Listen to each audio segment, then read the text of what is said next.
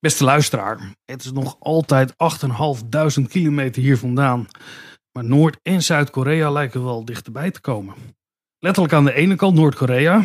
Want wat we daarover horen, 's werelds meest corrupte land, geleid door een dictator met absolute macht. Die toegezongen wordt door een volgzaam volk. En erop uit is om nucleaire wapens te ontwikkelen die ingezet zouden kunnen worden tegen ons. Of zoals zij zeggen, de imperialisten, vooral de Amerikanen en de Zuid-Koreanen. En aan de andere kant, en het contrast kan bijna niet groter zijn, Zuid-Korea. Een inspiratie voor velen met K-pop, kimchi en cinema, zoals de Oscar-winnende film Parasite. Maar ook die Samsung-telefoon of televisie die je misschien wel in huis hebt. En dan zijn ze ook nog eens een keer supergoed in het bestrijden van COVID-19. Terugkerend in de verklaring voor zowel het succes van Zuid-Korea, maar ook het functioneren van de terreurstaat Noord-Korea, is de volksaard van de Koreanen. Ja, zo wordt gesteld, het is nogal makkelijk om een goed coronabeleid te voeren als je in zo'n collectivistische samenleving leeft, waarin de regels allemaal netjes opgevolgd wordt en iedereen nog de autoriteiten gelooft.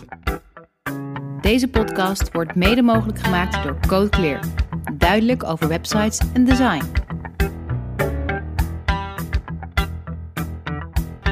Vanuit Amsterdam is dit Onder Media Doctoren, de podcast waarin communicatiewetenschappers zich verwonderen over de media. Vandaag gaan we het hebben over de westerse blik op het oosten. En wellicht ook wel andersom. En we doen dat met historicus en regio-specialist Remco Breuker, hoogleraar Korea-studies aan de Universiteit Leiden. Dankjewel Remco dat we hier eh, bij jou thuis mogen zijn. Ja, Super fijn. leuk Dat dat jullie jullie willen willen komen. welkom zijn. Ehm, Remco, in duidingen van, van, van, van wat ik op vroeger nog heb gehoord, het Verre Oosten, hoor je vaak het onderscheid tussen collectivisme en individualisme. En daar gaan we straks nog uitgebreid over hebben. Ehm, maar waarom, eh, we gaan het vooral over hebben waarom jij dat racistische kwatsch vindt. Volgens mij heb jij dat eh, letterlijk zo gezegd. Ja, dat, dat kan. Ehm, ja. Maar wat ik ook vaak tegenkom is eh, dat het te maken heeft met Confucianisme. Wat is dat Confucianisme? Jeetje, ja. nou, Remco, je mag je, je microfoon zetten op de plek waar je koffie staat. Nee, dan, ja, dan gaat het prima. helemaal goed. ja, wa- wat is Confucianisme? Het is, het is ook heel veel niet. En het heeft echt niks te maken met het collectivisme van hedendaags Oost-Azië. En daar gaat het meestal om. Ehm, Confucianisme was een, een sociale ideologie. Die, ehm, die de, die sociale Een ideologie. sociale ideologie die, die de maatschappij eigenlijk regelde. En die, die vertelde dat als je voor een dubbeltje geboren was, dat je dat altijd zou blijven. Die ehm, de, relaties in de maatschappij ehm, duidelijk neerlegde. Wie naar wie hoorde te luisteren en zo. Ehm, en dat is later inderdaad, dat is, dat is heel invloedrijk geweest, omdat Confucianisten die eigenlijk begonnen als een soort ja, luie dansers. Want ze, ze- eigenlijk voerden ze rituelen uit en zongen ze liedjes en dansten ze. En dat is later per ongeluk een, een succesvolle bestuurlijke ideologie geworden. Dat is ook nog hoop voor mij als ik dat dan zo zie. Dat snap ik. Hoe, hoe ga je van, Ja. van, van een dansgezelschap naar... Omdat eh, ze dat, gelijk aan Willem Engel denken. vind ik een hele, hele beangstigende gedachte. Oh mijn god, Ja. dat die link, link nooit gelegd. Nou, dat wordt niet slapen vannacht.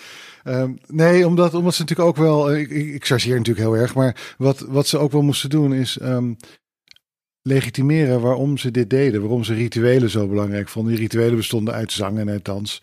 En dat deden ze door eigenlijk uit te leggen dat door het uitvoeren van die rituelen je een, een, een goede eh, of een perfecte maatschappij zou kunnen realiseren. Als iedereen zeg maar aan de regels hield. Nou, het feit dat dat gewoon millennia op millennium, millennium op millennium moest worden herhaald, zegt mij al heel veel. Namelijk dat het niet zo'n vaart liep met die perfecte maatschappij. Ehm, maar dat is niet hoe we nu naar, naar, naar, naar, kijken. We denken nu naar het 2500 jaar geleden ongeveer heeft Confucius dit bedacht. En sindsdien ehm, hebben de Aziaten, het wordt vaak niet gedifferentieerd, hebben dat overgenomen. Het zit in hun genen nu. En iedereen leeft daar netjes en, en doet wat Confucius ooit gezegd heeft. Nou, Diepe zucht. ik weet niet waar ik hier moet beginnen. Het is werkelijk zoveel mis. Ga je straks een voorbeeld geven en dan mag je daar eh, je tanden in zetten. Nou ja, in je, in je, in je Twitter-bio heb je staan, want Confucius. Ja, En- nee, dat, ja, sinds vandaag is dat, heb ik dat uitgehaald. Oh, Ik- oké. Ik, Ja. schreef Oh. dat, Ja. ik ging kijken, het stond er Ja, nog. ja. niet. Vanochtend, vano- Ja, vanochtend ja, om half stond tien er stond er nog. Ja, Ja. nee, klopt. Ehm, nee, dat klopt, want dat is vaak de uitleg hè, over, over, over Noord-Korea. Waarom eh, willen ze met kernraketten de wereld ja, overheersen. Wat ze volgens mij niet eens zo erg hard willen, maar Confucianisme. Waarom komen Noord-Koreanen niet in opstand? Confucianisme. Waarom zijn, kunnen Zuid-Koreanen zulke goede tv's en, en mobiele telefoons bouwen? Confucianisme. Dat Ja. is echt vaak de uitleg. En Ja. dat, is, dat vind ik altijd heel apart. Want de mensen die het zeggen, die zouden een geschrift van Confucius niet herkennen als het ze op hun neus zou meppen. Ja. En dat, dat is echt, ja, het is bezwaarlijk, denk ik. Het klopt ook niet. Ehm, het, heeft, ja, het heeft zegt meer over ons, denk ik, wat wij willen zien. En ook wat we niet kunnen zien, dan dat het iets over, over Korea of, of Noord-Korea of Vietnam of Japan of China zegt.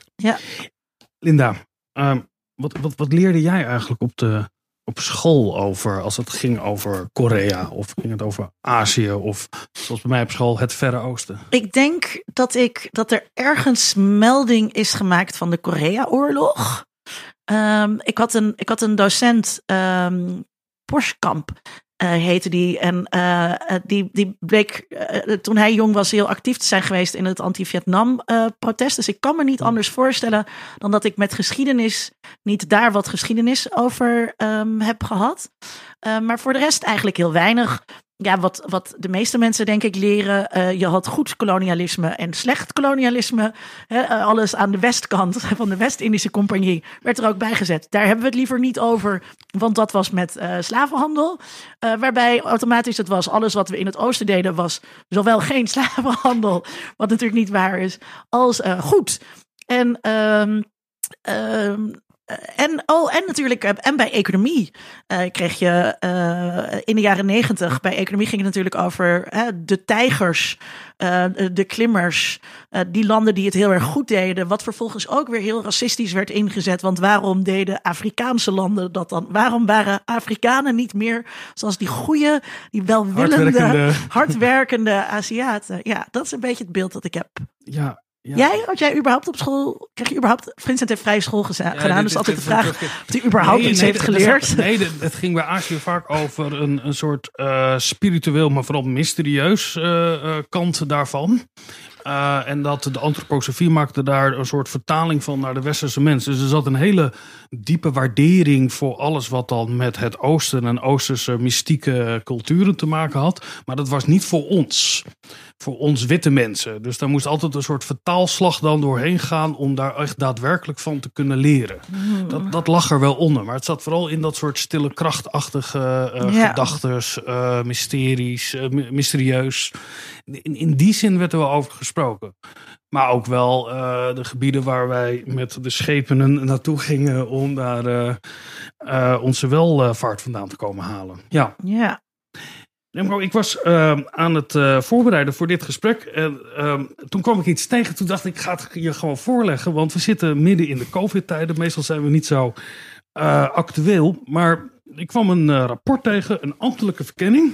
Vanuit het ministerie voor Volksgezondheid, Welzijn en Sport. En dat eh, de ambtelijke verkenning luidt strengheid van het lockdownbeleid in de bestrijding van COVID-19. En de mate waarin deze aansluiten bij nationale culturen. En wat zo mooi was. Uit daar- 1937 of Ja, van 7 augustus 2020. Iedereen kan dit eh, opzoeken. Eh, laten we de auteurs noemen. Eh, een Luc Hagenaars, ik noem hem Patrick Jurissen. En die schrijven, goh, we gaan kijken naar vier verschillende landen. Nederland, Zweden, maar ook Zuid-Korea. En zij trekken de volgende conclusie. En ik zou het je graag stap voor stap willen voorlezen. En zij maken daar gebruik van zes dimensies. En ik denk dat je dan wel gelijk Oh. Hofstede hoort. Ja, inderdaad. Ja. De Zuid-Koreaanse cultuur staat op alle zesde dimensies. En dan moet ik voor de misschien moet je eerst even Ja, uitleggen wat die... dat gaat, de of zesde misschien moeten we het even aan Remco vragen. gaat over eh, power distance. Het gaat over individualisme versus Maar, collectivisme. maar, maar, maar, maar, maar- want jij kent die zes dimensies, neem ik aan. Eh, van, Ja, ja nee, ik ken ze niet uit mijn hoofd. En dat, dat is denk ik omdat ik het ook niet wil. Nee, ik weet, ik, ik ken het werk van Hofstede. en Ja, dan- het- het die, Hofstede... Oké, duidelijk. oh, Het oké. Er luisteraar, het luisteraar, wordt vanzelf duidelijk.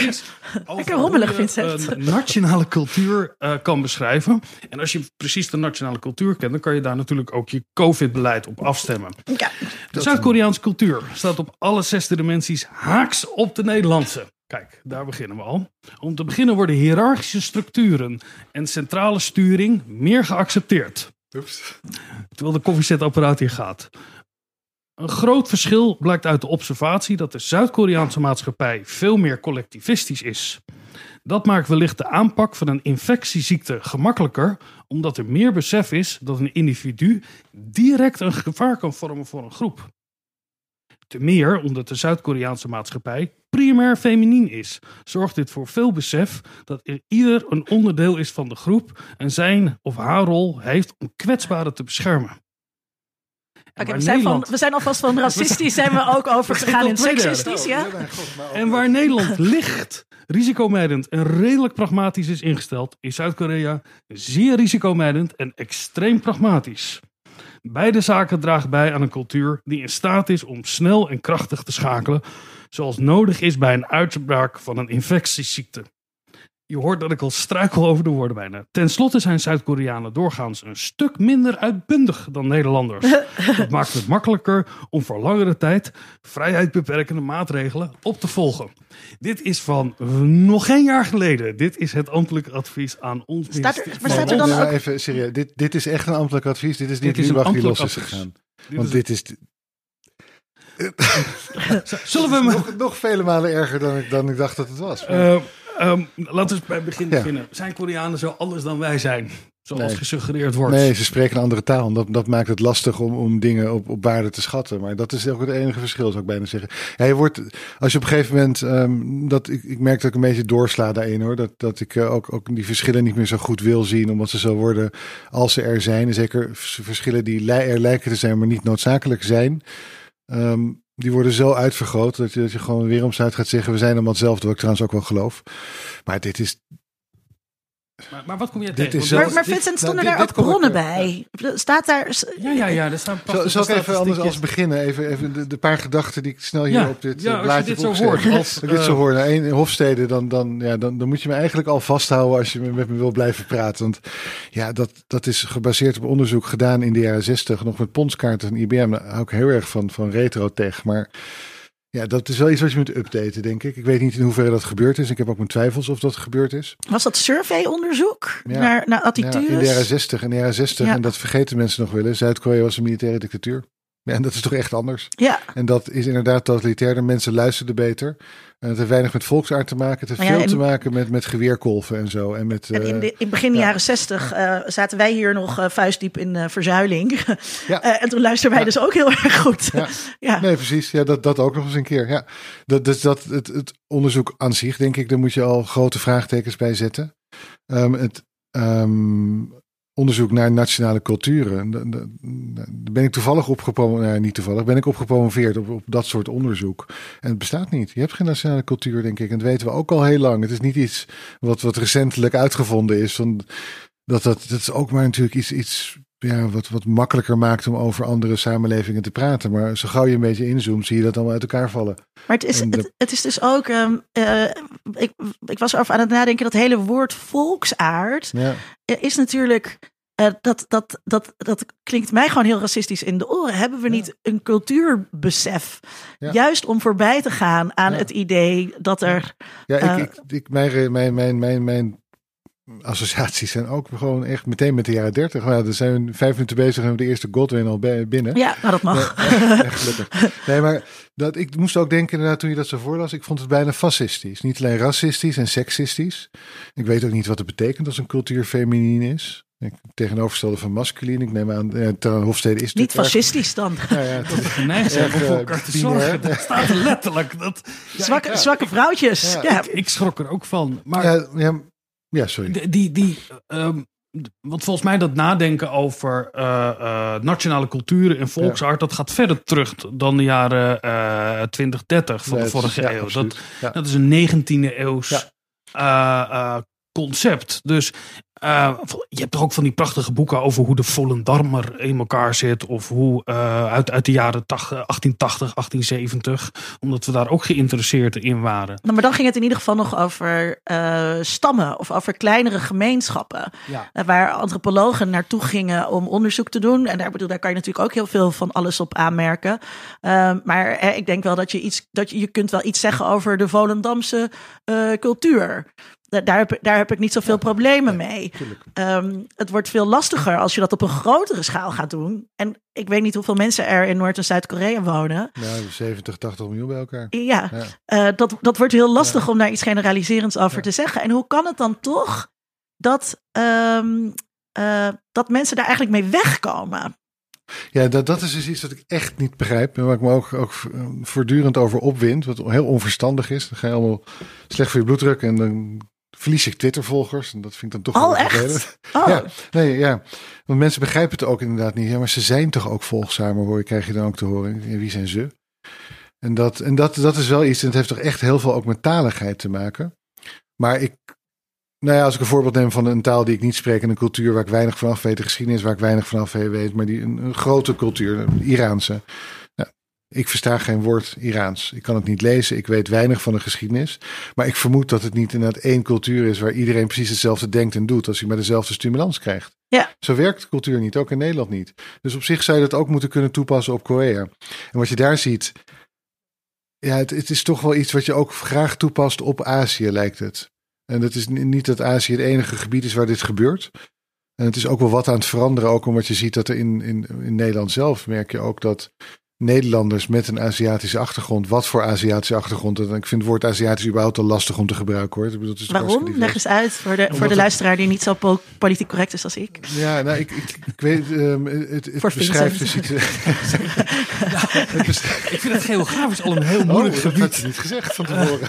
nee, dat is best, pesterij in de podcast. Nee, maar, nee, maar het, het is natuurlijk, ja, het, kan, uh, je, kan, je kan het heel goed geografisch gebruiken. En dan, dan, kan je, dan moet je waarschijnlijk met lengte en breedtegraden gaan werken. Dat is dat gebied waar we het over hebben. Maar als je het hebt over cultuur, en dan, dan gaat het toch vaak daarover.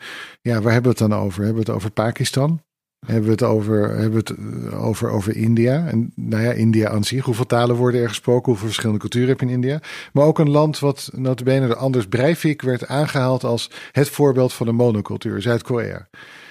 Ja, dat is, dat is op zich al heel tragisch. Uh, maar als je in Zuid-Korea zelf hebt gewoond, hebt gewerkt, hebt geleefd, en als je de taal spreekt, het eerste wat je ziet is dat alle Koreanen de hele tijd ruzie met elkaar leken te maken. En dat ligt niet aan dat, je, um, dat ze echt ruzie maken, al gebeurt het ook veel. Ze zijn namelijk ontzettend uitbundig. En ik weet dat is ook wel echt wat in het rapport stond, hoe je daarbij komt.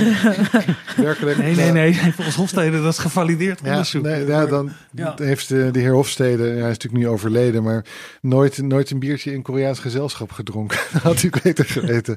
Maar nee, maar dan, dan zie je natuurlijk al die, al die interne verschillen die elke groep altijd heeft. En ook dat het dynamisch is, dat het wisselt en dat je de ene moment bij deze groep kan horen dan bij die. Dat, en dat is toch ook iets wat ook in Nederland, dat er is zoveel onderzoek naar gedaan. Dat is iets wat je bij sociale wetenschappen ook met de paplepel ingegoten krijgt.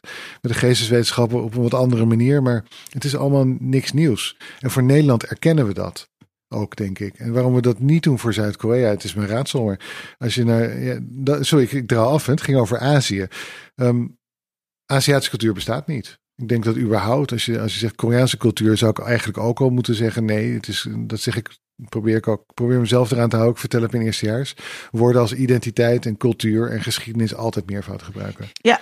Dan kom je, dan kom je een stukje dichterbij, in ieder geval bij, bij misschien wat, wat een weerspiegeling is van de, de werkelijkheid, werkelijkheden. Ja. maar wat ik dus ook, wat zo absurd dan ook is, um, er zijn twee Korea's, gewoon, er zijn twee natiestaten ja. met, met de naam uh, Korea. Het is in ieder geval een gesplitst land. Um, is, is er dan toch iets, misschien dat we vanuit, het, uh, als, van, vanuit de Koude Oorlog hebben meegekregen? Oost-Duitsland en West-Duitsland waren eigenlijk heel duidelijk één. Dat moest ook één volk uh, weer worden.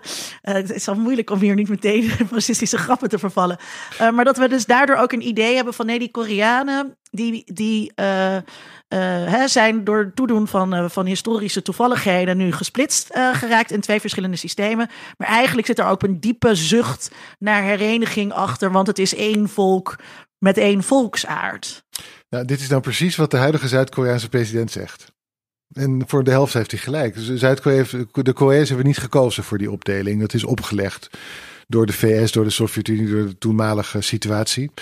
Um, wat er was gebeurd als dat niet was opgelegd, weet ik niet. Uh, goede kans dat er een burgeroorlog was gekomen. Het is net, net een postkoloniale staat. Ja. Uh, met, een, uh, met een heel recent, heel akelig verleden. Maar goed, um, dus dat idee dat, dat Korea één is, dat alle Koreanen hetzelfde zijn. Ja, dat is iets wat je in Korea ook tegenkomt. Dat is niet, wat dat betreft niet een westers verzinsel. Wij hebben het ook weer verzonnen. Maar het is, het is, ja, het is eenzelfde uiting, denk ik. Het is politiek handig. En dat is voor ons ook. Voor ons is het misschien meer sociaal handig dan politiek handig. In Zuid-Korea en Noord-Korea, daar is het helemaal één volk, is het politiek handig. Dus dat, ja, dat het idee is heel wijdverbreid hoor. Het is, dat, uh, ook, ook in Zuid-Korea. Maar dat was je vraag niet volgens mij. Uh, nou, dat, het dus, uh, dat wij dat dus misschien um, uh, zo'n eenheidsconcept hebben wanneer een land in tweeën is gesplitst, dat dat altijd weer hersteld moet worden, omdat we zo ja. dicht op Duitsland zitten. Ja, nee, misschien dat zal ook wel meehelpen, denk ik. Ja, absoluut. En we hebben ook gezien dat dat kan, dat een land weer één kan worden met, met alle mitsen en maren die daarbij horen. En Zuid-Korea trouwens ook, die, dat kijkt ook heel erg aan Duitsland. Dat het kan. En Noord-Korea juist niet, want dan is het het zuiden dat, dat de leiding neemt. Ja, maar, maar ik, ik, ik valt mij op altijd in de verhalen dat het nooit over een hereniging gaat. Maar het gaat eigenlijk, wat we ook in Duitsland hebben gezien, over een, soort annexatie vanuit ja. het westen van uh, de, de, de bevrijding. Ja. Bijna van de Oost-Duitsers, of in dit geval de Noord-Koreanen. Dat we moeten hopen op de implosie van het regime. En de, eigenlijk de ja. rechtvaardigheid van de, het Zuid-Koreaanse perspectief eigenlijk gaat zegenvieren. En het Zuid-Koreaanse perspectief is is ook juist omdat zij aan de kant van het Westen staan en aan, niet aan de kant van het communisme. Ja, verder in de ontwikkeling als nazistaat bijna. Ja. Dat het een achtergebleven uh, gebied is, zoals we ook naar Oost-Duitsland uh, keken, die achtergesteld werden in hun ontwikkeling en ja. de mogelijkheid kregen vanaf 89 om zich uh, dezelfde welvaart te verkrijgen. Dat, dat, dat is, ik, ik wil eigenlijk twee stappen even terug voordat we naar de waarom-vraag gaan je wordt gevraagd, neem ik aan, als hoogleraar Korea-studies, en we hebben er volgens mij niet heel veel in Nederland,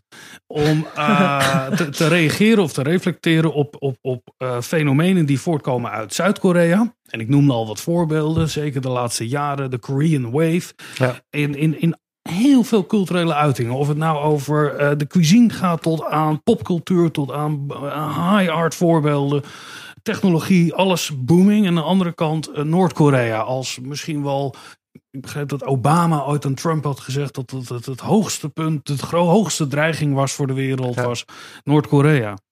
Um, hoe, uh, hoe verhoud jij je dan tot de clichés die jij voorgelegd krijgt in de vragen die, je, die, je over jou, uh, die daarover gesteld worden? Ja, dat, dat is ja, een hele moeilijke vraag, een hele terechte vraag, maar dat, dat vind ik een van de lastigste dingen.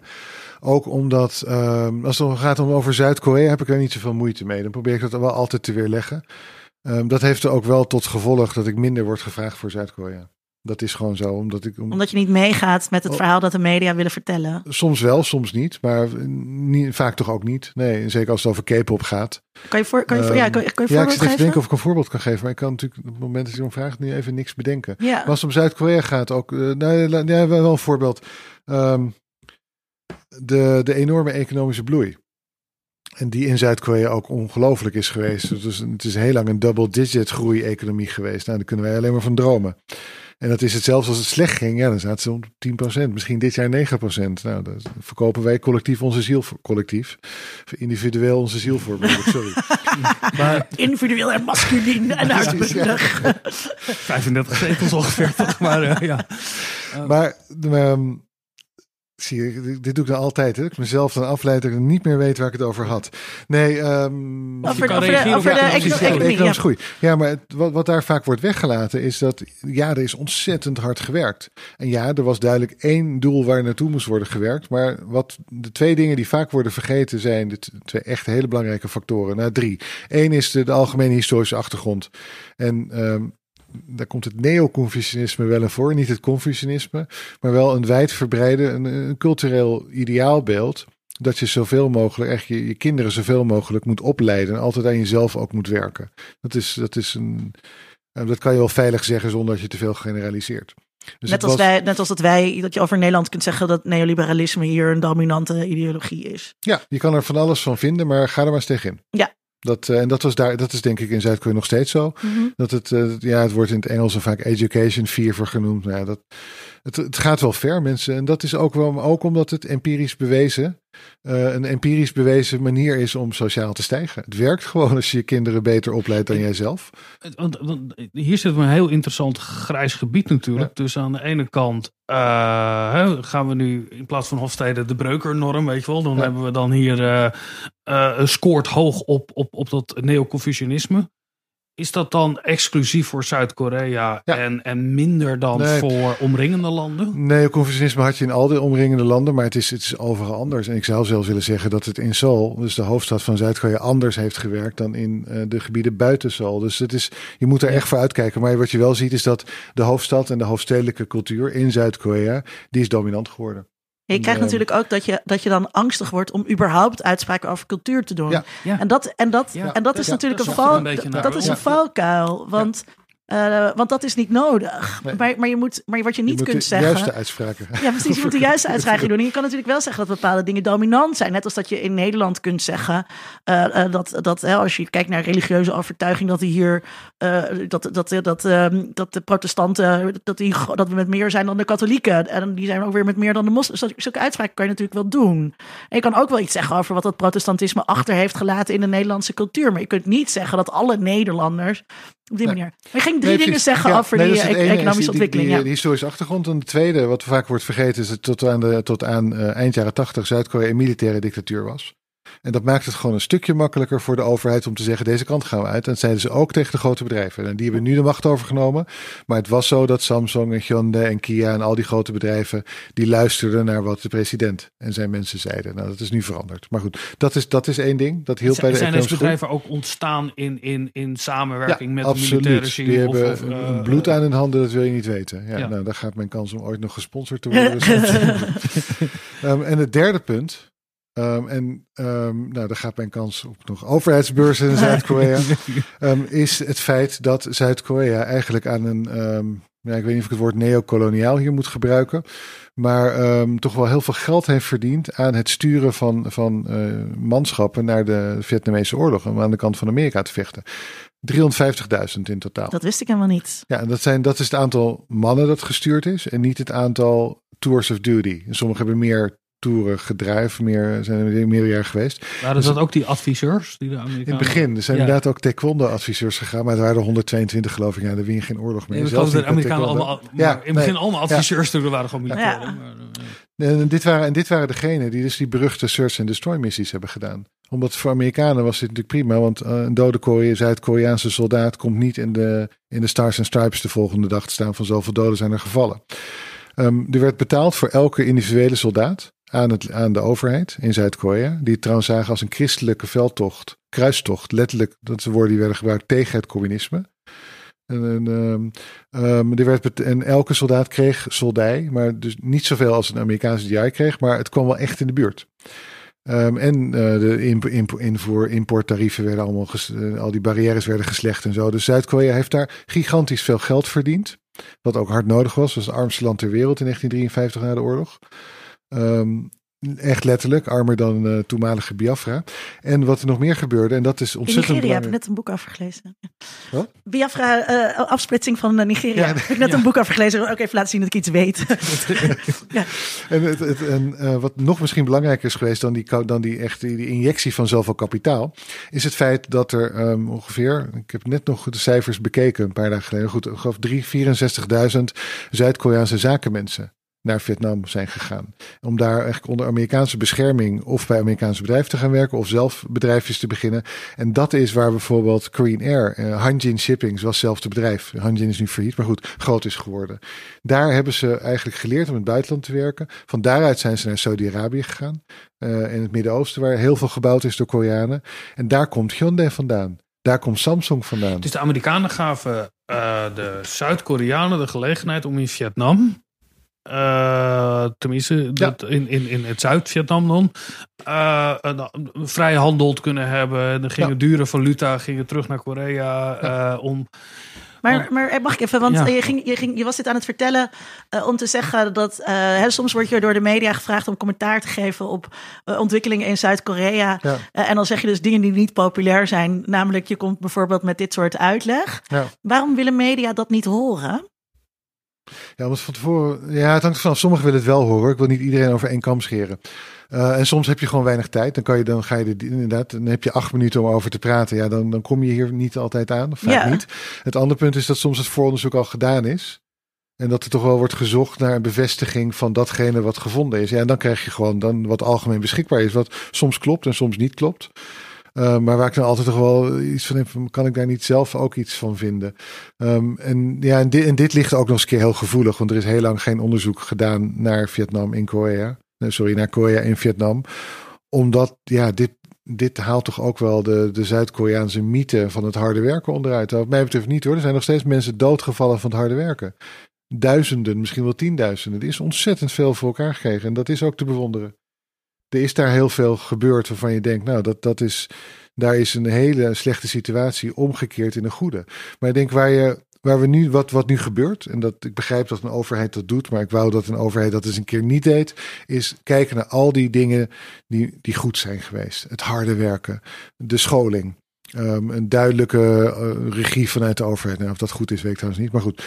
Um, maar ik denk dat je heel eerlijk over moet zijn. Als je zo succesvol wilt zijn, dan, zal je, dan, dan gebeuren er ook dingen die. Dan moeten er dingen gebeuren die minder fijn zijn. Namelijk het deelnemen aan een ontzettend bloedig conflict. Um, als je ziet wat voor um, burgerdoden er, of hoeveel burgerdoden er zijn gevallen in Vietnam door Zuid-Korea. Wat nog steeds speelt trouwens tussen beide landen. Ja, dat is wel iets om even bij stil te staan. Um, en, en het feit dat dit onder een militaire dictatuur is gebeurd. En dat het misschien onder een niet-militaire dictatuur anders of later was gebeurd. Ja, dat is ook denk ik iets waar je toch ook wel even over moet nadenken. En dat zijn dingen, ja, dat, dat, dan kom je in discussies terecht die, ja, dan, wat ik dan vaak te horen krijg, ja, dat is wel heel academisch. Oh, ja, dat is wel heel academisch. ik vind het altijd heel goed. Laten we vooral heel academisch zijn. Ik nou, wat, wat me dus opvalt is dat um, uh, en als je vertelt over, over redelijk recente geschiedenis, wat, wat logisch is om uh, uh, gebeurtenissen in het nu te begrijpen. Hè? Ook als we het over Nederland hebben, dan ga je kijken inderdaad naar verzuiling of naar in de jaren 60 seksuele revolutie of weet ik veel wat. Terwijl um, wat, wat uh, mensen graag willen doen als het over Azië gaat, is 2500 jaar uh, terug. En hele lange lijnen leggen. En op het moment dat je dus kortere lijnen gaat leggen, dan zeggen mensen dat is academisch. Daar had ik eigenlijk niet over nagedacht. Uh, maar dat is inderdaad, nu, nu het zegt, dat is dat was zo. Ja. Wel Confucius, maar geen, geen, ja, Nee, dat is natuurlijk wel een, uh, dat is wel een heel mooi contrast. Uh, ja, dat, dat is inderdaad zo. En dat hoor je inderdaad wel. Confucius krijg je wel. Daar mag je wel over vertellen. Dat, wordt, dat is wel fijn als je dat doet. Want wij begrijpen niet wie, wie dat precies is. En um, hoe moeten we Azië daarmee begrijpen? Maar als het inderdaad gaat om de concrete aanleidingen, een concrete historische achtergrond van 50 jaar geleden of 60 jaar geleden inderdaad niet. Ik had het nooit zo gezien, maar volgens mij heb je helemaal gelijk. het, het, is, het is wel ontzettend actuele, maar geschiedenis. Maar even jouw gedachtegang doorzetten. Dan word je gevraagd over economische, uh, wat, wat natuurlijk een onvoorstelbare prestatie is onder misschien omstandigheden die ja. niet altijd wenselijk zijn, maar wat er is gebeurd tussen 53 en 2021 is natuurlijk onvoorstelbaar. Als je die lijn ook doortrekt naar die culturele uitingen die er zijn ja. uh, in, in Zuid-Korea. Um, we hebben uh, een uitzending gemaakt met Reza Kartosen. En, en daar zit ook wel een idee van een opkomende industrie achter. En niet zozeer uh, de, ja. de, de, de creatieve uiting van per ongeluk mensen ja. die bij elkaar zitten.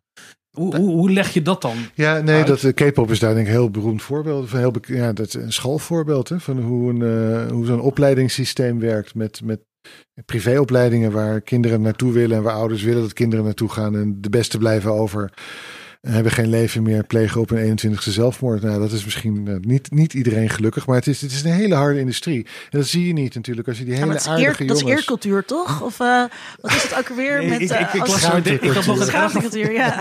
ook heel feminien. Ja, ja nee, precies, ja. Moeten K-pop bandjes bij elkaar wonen? Uh, was een vraag wat ik op een van de Amerikaanse site las. Want uh, ze voelen zich beter in een collectief. En dat willen ze ook de hele dag altijd bij elkaar zijn. Oh jezus. Dat, oh, dat soort... Dat, dat, maar, ik, maar de vraag komt dan wel dus ook... in hoeverre houdt de, houdt de houdt de Zuid-Koreaanse overheid zo'n beeld dus ook in stand. Ja. eh, om, om die, om Nee, die ja, K-pop-industrie ook eh, af te schermen. Nee, dat doen ze, dat doen ze zeker. Want die, kijk hoe die industrie werkt, dat, dat is, daar is onderzoek naar gedaan. Dat wordt ook wel redelijk begrepen. Dat het zo ontzettend succesvol is, is misschien, daar heb ik nog nooit echt een hele goede verklaring voor, voor gelezen. Maar hoe het werkt, hoe het succesvol kan zijn, ja, dat, dat begrijpen we volgens mij wel.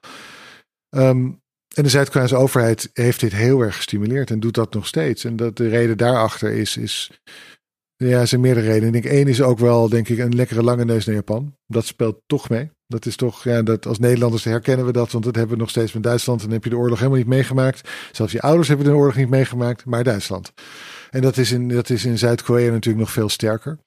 Dat is één ding, maar het belangrijk, belangrijkste overweging is, is gewoon geld. Als je ziet wat de omzet is die eh, grote bedrijven als Samsung nu draaien dankzij K-pop vergeleken met daarvoor. Als je ziet dat Samsung een, een, meer dan een aanmerk is geworden. Ik bedoel, het staat op eenzame hoogte samen met Apple zo'n beetje. Terwijl toen ik begon met studeren was de Samsung, nou ja, zelfs in Korea is iets van, ja, ja, kan je geen Sony kopen? Moet dat nou echt? Dus dat is, de K-pop is ontzettend goed voor ze geweest. 25% meer, meer omzet gemiddeld. En dat is onderzoek van volgens mij tien jaar geleden. Ik weet, niet- ik weet niet hoeveel het nu is. Uh, maar ik weet ook niet of daar onderzoek naar is gedaan, als ik heel eerlijk ben, wat, wat, wat een beetje klopt. Betrouwbaar is, maar het is wel echt. Het, ja, ik begrijp het wel. Want dan krijg je rare situaties dat een ambassadeur van 60 jaar oud, een man van 60 en, en jongens en meisjes van, van 14 gaat uitleggen waarom Koreaanse popmuziek zo cool is. Ja. Daar kan je vraagtekens bij zetten, maar dat Zuid-Korea dat overeind houdt, dat beeld, ja, absoluut. Ja. ja. Wat, ik, um, wat, wat zou de functie kunnen zijn van? Want ik snap dat vanuit een Zuid-Koreaans perspectief dat dit een mooi verhaal is om te vertellen. En dat je die gelaagdheden eronder eigenlijk helemaal niet zozeer. Je hebt geen belang bij. Hoe kan het dat we vanuit een westers perspectief vervallen in dit soort clichés? In, in de bestaande frames over Zuid-Korea in dit geval? Ja, ik. ik... Luiheid, angst. Ja, die, de die... beschikbaarheid van, van uh, dat is toch wel misschien wel nog het belangrijkste hoor. Dat, dat, is, dat is luiheid natuurlijk, beschikbaarheid van dit soort beelden. Uh, het is, ik denk niet, dat hoor je ook wel eens, dat dit het doorwerken is, het rechtstreeks doorwerken is van een koloniaal verleden. Dus ik denk dat het zo simpel niet ligt. Dat het koloniale verleden en ons koloniale beelden, dat dat doorwerkt, daar geloof ik absoluut in. Maar ik denk ook dat die, die zijn nu zo, zo deel van ons uh, referentiekader, van de gedeelde referentiekaders. Ik moet hier denk ik ook meervoud gebruiken die we hebben in Nederland, die beschikbaar zijn in Nederland. Dat het heel makkelijk is om hierop te verlaten als je iets niet begrijpt. En ten dele doen we natuurlijk altijd. Ik weet het ook zeker als je mij confronteert met met een cultuur en samenleving die ik niet ken, dat, dat ik ook uh, stereotype beelden zal hebben. Maar wat, wat je toch hoopt is dat we elkaar, dat we zo worden ja, onderwezen en elkaar ook zo onderwijzen. Niet alleen formeel, maar ook informeel, zodat je daar dat je dat wat makkelijker van je afzet dan, dan we nu doen. Want, ja, dat vind ik een hele niet. onschuldige verklaring van ja. Dat, we weten eigenlijk, uh, we zijn gewoon niet goed genoeg geïnformeerd en het is ver weg. Um, en, uh, maar het is, maar het is dus. Het is niet, nee, het is niet onschuldig in de zin. Ik denk dat ook mensen niet willen. Het is ook een actief niet willen. Ja, dat... Het is ook een actief je beter willen voelen. Want het is niks engers. En dat hebben we gezien met, met, uh, met, die, met de Japanse opkomst in de jaren tachtig. En films als uh, met die film met Sean Connery, een roman van Michael Crichton. Ik ben even vergeten hoe de film heet. Um, een hele bekende film. Als ik het zeg, weet je zeker. Dat, uh, misschien moet je het even opzoeken. En dan, dat zal ik het even. Ik ga even googlen. Ja.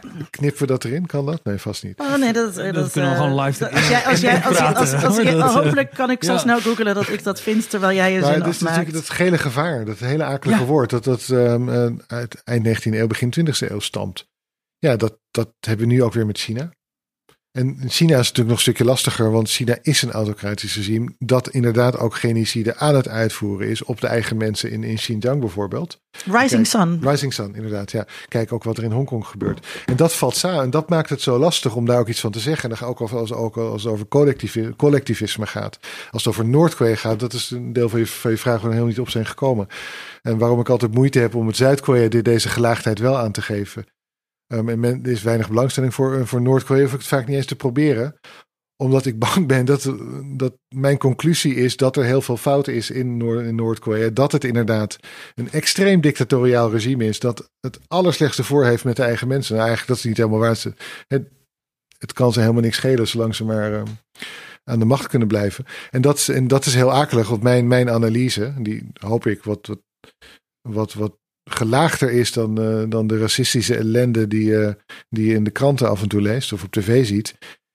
Ja, de conclusie die, die loopt daar toch wel synchroon mee. En dat, is, dat voel ik me ontzettend akelig bij. Maar ja, wat, wat doe je daaraan als het wel zo is? En dat, dat ja. Ja, even een persoonlijke waarneming. Ik heb denk ik wel nou, 15 documentaires gezien waarin iemand voor het eerst dus niet weer met een verborgen camera Noord-Korea in glimpse of North Korea. Ja. eh, d- precies, en dan kregen we weer te zien. En dan eigenlijk altijd die minders kreeg je. De helft van de documentaire was een minder die zei: Nou, niet hier, je moet even in de bus. Ehm, en er werden ontzettend veel schroeven aan muren altijd gefilmd met: God, dit is een microfoon. dat, dit, dit is bijna een genre in dat zichzelf. zeggen, dat is een genre. De Westeling die naar Noord-Korea binnenkomt. En dan eh, ook de cameraman gaat buigen voor een van de standbeelden. Maar met camera in de hand. Waardoor het shot ook naar de grond en naar boven gaat. Dat zit zeker in zes, zeven verschillende documentaires. Ehm, in jouw verklaringen, hè, ehm, ehm, in hoeverre speelt eh, een soort van eh, occidentalisme eh, een rol? Ehm, eh, ik moet meteen denken aan Said natuurlijk en orientalisme. En het de Oost is onze ander waartegen wij onze identiteit afzetten. Want als je zoiets hoort van die, van die ambtenaren. Uh, het is zo'n duidelijk wij-zij denken. Ja. Het kon, wat je ook zegt, hè, in alles is Zuid-Korea blijkbaar onze, onze tegenpol. Dat, dat gebeurt waarschijnlijk om ook iets te zeggen over, over, over ons. Hè, om ons te duiden in ja, plaats van ja, die Zuid-Koreanen nou te dat, duiden. Dat was een vervolgvraag. Die ik, je nee, maar mag, even... maar mag Remco antwoord geven op... Is, is het dus een vorm van occidentalisme... Uh, hoe wij denken over Zuid-Korea of over de beide Korea's? Um, ja, ja um, ik zit even, zit even te, te, te kou op occidentalisme. Ik, ik, ik nou ja, als, als een, als een, ver, als een, als een ja. uh, doortrekking zeg maar, van Saïds orientalisme. Ja, dus dat van op, op onszelf van toepassing is. Ja. ja, nee, ja, dat denk ik wel.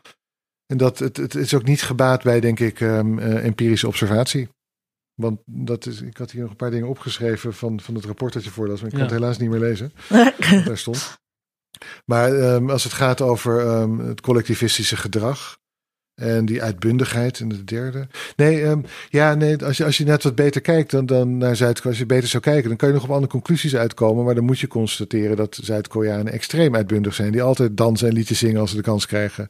Veel minder schroom hebben over, over heel veel zaken dan wij, dan wij als Nederlanders hebben. Als je, nou, ben ik over Nederland aan het generaliseren, maar goed. Um, de, uh, ook als je inderdaad weer empirisch observeert, dan zie je dat Zuid-Korea ervaring heeft met pandemieën. Dat helpt ook. De wetgeving is op aangepast. Nou, dat maakt het een stukje makkelijker om um, adequaat te reageren. Als je het niet doet, inderdaad, dan wil je ook niet kijken. Want het is allemaal, het is, het is allemaal geen rocket science wat dat betreft. Veel is echt beschikbaar als je een beetje kunt googlen en zo. En dan, ja, dan ben je misschien inderdaad wel op zoek naar, naar, naar antwoorden over jezelf. Van hoe zijn wij? Nou, we zijn in ieder geval niet zo. Ja. Hoe we wel zijn, dat, dat willen we liever niet voorschrijven, want we zijn Nederlanders, dus dat doen wij niet. Maar we zijn niet die, die collectivistische, um, feminine, wat was er nog meer? Um. Voor elkaar zorgende, ja. niet, niet uitbundige uh, ja. Zuid-Koreanen. Ja. Terwijl, en, en kijk, je kan, uh, dat vind dat. Ik keek die serie um, The Serpent uh, uh, afgelopen uh, weekend over um, seriemoordenaar op de hippie trail. Dus dat gaat over India, Nepal en ja. Thailand. Oh, met die Nederlandse ja, met, die Nederla ja, met, ja, met Knippenberg die gespeeld wordt door, een, door een Engelsman. Wat heel grappig is. maar hij had heel erg een, een, hekel aan die, aan die westerse toeristen die dan daar op reis kwamen. En die eigenlijk alleen maar zichzelf kwamen vinden. En toen moest ik, ik zat, en ik heb zelf ook wel gebackpackt in Azië. Toen moest ik dus denken, oh ja, in de jaren zeventig deed men dat natuurlijk ja. ook al. Maar we doen dus ook net steeds alsof Azië heel ver is. Terwijl uh, we drijven al heel lang handel uh, uh, met Azië. Er loopt een hele zijderoute, wat een soort informatiesnelweg ja. was naar Azië. Misschien niet naar Korea, dat weet ik niet helemaal. Maar, ja, uiteindelijk wel. Ja. Maar... Um, dus we blijven ook maar doen alsof het heel ver is. Als, terwijl de wereld is natuurlijk ondertussen heel klein geworden. En we staan al zo lang in contact uh, met die Aziatische cultuur. Nu zeg ik ook weer de Aziatische cultuur. Dat, dat je helemaal niet meer kunt zeggen dat het een ander is van ons. Die een soort uh, separaat van ons zich gevormd heeft. Of dat wij ons afzonderlijk eh, van hun gevoel. Alsof, alsof we alle twee een soort ehm, eh, eh, tribes in de Amazone zijn geweest. Ja. Die ergens een keer in, in de jaren negentig met elkaar in contact zijn gekomen. Ja, nee, nee, nee, volkomen met, je- met, je, met je eens. En als je ziet hoe vaak we Azië al hebben ontdekt, of verschillende delen van Azië, dat is ook wel een beetje lachwekkend. ja. Dat, en dat inderdaad, en wat je ook wel ziet, en dat is de teleurstelling van veel mensen die naar, die naar Korea gaan. Het is nu minder, omdat Korea veel beter bekend was. Maar in de jaren negentig, toen ik daar studeerde. Ja, ze, is- ja, ja, ze lopen hier in spijkerbroek rond. Ja. Ja, ja, ja. Dat, Ja. dat. Ze zijn veramerikaniseerd. Dus, Ja. ja. net zoals wij volgens mij. Maar goed, ja, waar is hun originele cultuur? Ja, daar kijk je naar. Moet je Dit- naar Volendam. ja, nee, precies. Maar dat is inderdaad, dat, dat wordt op prijs gesteld. Eh, de, er zijn nog een paar hele conservatieve eh, plaatsjes in Zuid-Korea. Waar ze echt als een, als een ouder overlijdt en nog drie jaar rouw wordt betoond en zo. Wat, ehm, nou, dat is gewoon niet te doen. Dat was vroeger ook niet te doen. Behalve als je van de absolute elite was. Dan kon je namelijk drie jaar lang niks doen en, eh, en, tre- en treuren. Maar dat is dan echt de Koreaanse cultuur. En dat wordt ook inderdaad, om terug te komen wat je, wat je net zei, ook heel erg gepromoot door de Zuid-Koreaanse overheid. Dit is de Zuid-Koreaanse cultuur. Ja, de beste manier om een levende cultuur natuurlijk gewoon echt helemaal te doden is om het, wat in Zuid-Korea gebeurd is, eh, intangible eh, assets eh, te, te maken. Dus dan, dan eh, iemand zingt een bepaald volkslied mooi. Nou, dit is dan de manier en zo doen we het voortaan. En jij krijgt geld om dat de rest van je leven te doen. Ja. Ja, dan verandert er nooit meer wat. Want als je het verandert, voldoe je niet meer aan, aan de, de voorwaarden om het geld te krijgen. Ja, Ja. Dan je de koekoek, zou het ook nooit meer veranderen. Ja. En dat, en dat dus het is, het is een, een dynamiek. Niet alleen gewoon het westen naar, het, eh, naar Korea toe. Of, ja, het westen ook zo'n woord ook niet, niet zo heel veel mee kan. Maar goed, van, van het buitenland naar Korea toe. En met, het gaat, ja, dynamiek. Het gaat twee kanten uit. Ik zit mezelf... eh, Ja. Ik, zit in, ik was ooit bij een conferentie. Er was een, een cultureel antropoloog. Dat deed me heel erg aan denken. Die allemaal dia's had inderdaad van, van eh, eh, stammen in Zuid-Amerika. Ik was daarbij volgens Ja. mij. Ja. En eh, die hadden daar ook spijkerbroeken aan. Of er stond een, er zat een foto van een televisie gemaakt in, eh, en waar de mensen woonden. En op een gegeven moment was er een hele traditionele vrouw in. Zoals, en zij sprak letterlijk de tekst. This is how I like to see them. wat, wat een, wat een, alles blootlegde over wat er aan de hand was. Maar wat, wat zo raar was bij haar, en, eh, eh, want misschien kan je ook zo iets meer vertellen over, over, over de, de, de academische studie. Wat zo, haar was, wat zo raar was bij haar, eh, dit was op een Cultural Studies conferentie Ja. eh, in Hongkong, een crossroad weet ik nog. Maar ehm, eh, binnen de antropologie kom je hier gewoon niet meer mee weg. Dat, dat, kan, dat, kan, dat kan gewoon niet meer. Eh, Dus eh, mijn vraag is eigenlijk, ehm, ehm, ja, hoe verhoudt... Hoe verhoudt het, het, het wetenschapsgebied van Korea-studies zich tot ehm, wat we in de media leren over, over, over Korea? eh, Heel anders. Het zijn twee verschillende gebieden, ben ik bang. Je hebt Korea-studies, waar ik eigenlijk uit, uit voortkom. Ehm, daar, daarin wordt ook wel naar Noord-Korea gekeken, maar dat is dan toch vaak de niet-politieke, niet, niet op veiligheidszaken gerichte kant van, Korea, van Noord-Korea. Geschiedenis, ehm, ja, dat, alles wat met, met literatuur en eigenlijk alles waar je talig voor moet zijn. En moet u, wat mij betreft, ook als je politiek bestudeert, talig zijn. Maar goed, dat is 99% van het vakgebied niet met me eens. Ehm, als je kijkt naar wat Korea-studies, dan, dan zie je inderdaad, ja, als, je, als je dit soort dingen zou zeggen, dan zou iedereen denken, denk ik, dat je een, een, dat een parodie is in eerste instantie. En dan, ja, dan dat moet je, er wordt niet eens meer kritiek op gegeven, denk ik, want we zijn het stadium al zo lang voorbij. Dat, ehm, ja, dat, wat dat betreft lijkt het eh, net zoals in de antropologie. Eh, dus Zuid-Korea, de, de, die de he- hedendaagse Korea-studies, ja, dat vindt geen warm onthaal in de media over het algemeen. Behalve als ze iets over K-pop kunnen zeggen. Ehm, en dat, het wordt ook als K-pop studies genoemd hoor, tegenwoordig. eh, omdat het gewoon geld is om K-pop PhD's aan te nemen. En niet om eh, nou, te kijken bijvoorbeeld naar de Koreaanse aanwezigheid in de Vietnamoorlog. Ik zag je, je promofilmpje voor eh Koreaans studeren. En toen zei je ook, eh, als je dat wil, omdat je eh, graag Koreaans wilt leren, eh, zodat je de K-pop liedjes beter kan begrijpen, dan kan je beter een summer school gaan doen. Ja, dat, daar, moet je, ja. ja. Oh, dat vind ik een heel, dat een heel constructief advies. Dat Maar ik vind ja, ook, ga ik niet weg. Maar als je K-pop ja. heel leuk vindt, bedoel, dat is ook, ik begrijp dat heel goed. Ik heb het zelf niet met deze muziek, maar ja. Ja. prima, doe het. En leer die taal en, en spring erin. Um, als je het academisch wil gaan bestuderen, ja, dat moet je misschien niet doen met de dingen die je het allerleukst vindt. Voor, ja, voor sommige mensen trouwens wel, maar dat, dan, dan moet je ook andere dingen, andere dingen gaan, andere... Be, ja, moet je ook over Confucius leren. Dan moet je ook over Confucius leren. Ja. Ken ik een hoogleraar Keltisch die zich ooit bij mij beklaagde dat gelul over elfjes. En je krijgt toch wel een bepaald soort... Uh, ja, nee, er is maar één hoogleraar, dus dat is makkelijk terug te vinden. Um, ik wilde toch even terug naar, een, een, om te zoeken naar een soort verklaring voor, voor dit soort, soort, soort clichés. Want volgens mij kwamen we best wel, wel wat verder dat uh, we een vervreemding zien als het gaat over het succes. Dus als er een enorm succes is, dat daar dan een verhaal bij komt over: Goh, dat wordt heel hard gewerkt en daar is weinig inspraak en weinig democratie. En kijk hoe die mensen daaraan ten gronde gaan. Of als het wordt gezien als een bedreiging, zoals Noord-Korea, dan is het ook heel ver weg. Ja. Is, is dat, um, zie je, is, ik wil eigenlijk op zoek naar die functie van waarom Ja. we dat doen. Nee, Want ik- ik- de ja. functie van het niet kunnen of willen weten. Dat, dat, en, en in de journalistiek, maar ook Ja. Nou ja, misschien op andere eh, terreinen. Ik moet zeggen, ik zie, ik zie inderdaad functioneel weinig verschil tussen hoe we met Zuid- of Noord-Korea omgaan hoor. Ik bedoel, de, uit, de uitwerking is natuurlijk heel anders omdat het hele andere samenlevingen zijn geworden. Maar het is, volgens mij doen we daar precies hetzelfde mee.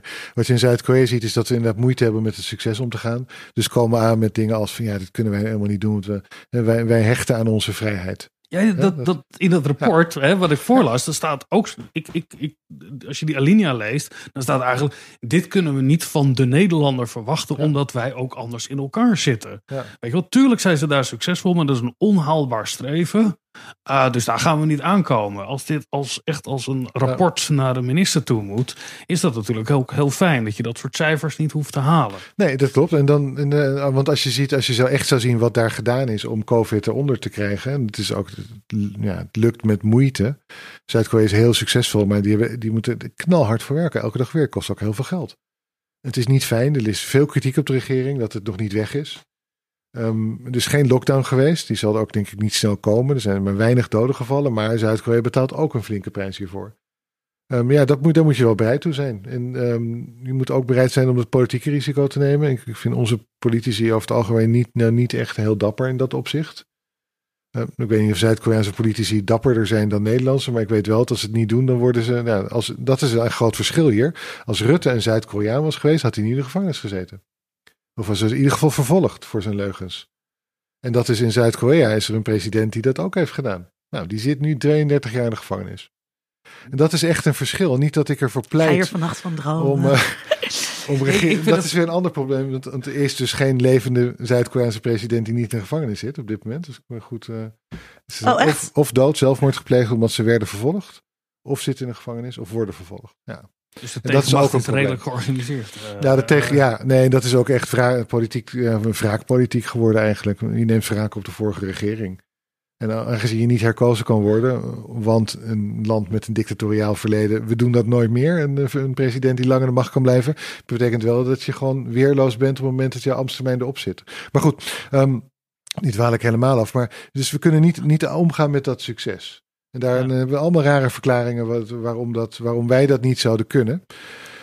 Ehm, Ja, dat is het, het- het- Ja, de ver, het, het, is niet, het is niet ver weg. Het is vervreemd. Het, is Ja, een- het, nee, het absoluut, voldoet ja. aan andere natuurwetten Ja, als, je als ik- daar bent. Als ik heel eerlijk ben, als ik, als ik een, eh, een structurele analyse zou maken, en dan zou ik wel een team voor nodig hebben, want heel veel punten zijn waarop ik mijn kennis eh, tekort schiet. Tussen Zuid-Korea en Nederland, denk ik dat je heel veel overeenkomsten vindt. Veel meer dan, dan verschillen. Eh, als je kijkt naar, naar relatief kleine landen qua oppervlak, nou is Zuid-Korea natuurlijk wel een stukje groter dan Nederland en 50 miljoen inwoners ook wel wat meer, maar relatief klein, naast grote buren. en op dezelfde, wat is het, de Noor- Noord- en Zuid-graad? Zo'n graad toch? We Ja, nee, toch op dezelfde even graad? warm. Ja. Nee, dat heeft met stromingen te Ja, maken nee, en zo. maar, breedtegraad, Ja, eh, breedtegraad. Ja, maar even let op. Ehm, ja, nee, inderdaad. En eh, het, het aangewezen zijn eigenlijk op, op, op handel, op, Ja. op service verlenen, op naar buiten gaan. En eh, ja, dan ehm, ik, moet gewoon bijna denken aan die VOC-mentaliteit. Nou, dat is het dus niet. Maar het is wel inderdaad eh, het weten dat, dat je als land, als je welvarend wilt worden, wat voor Zuid-Korea was, of wilt blijven, eh, welvaart niet verliezen als Nederland, ja, dan zal je toch ook je echt rekenschap moeten geven van de wereld daarbuiten. Nou, dat doet Zuid-Korea ook, net als Nederland. Dus er zijn echt heel veel punten van, van overeenkomst.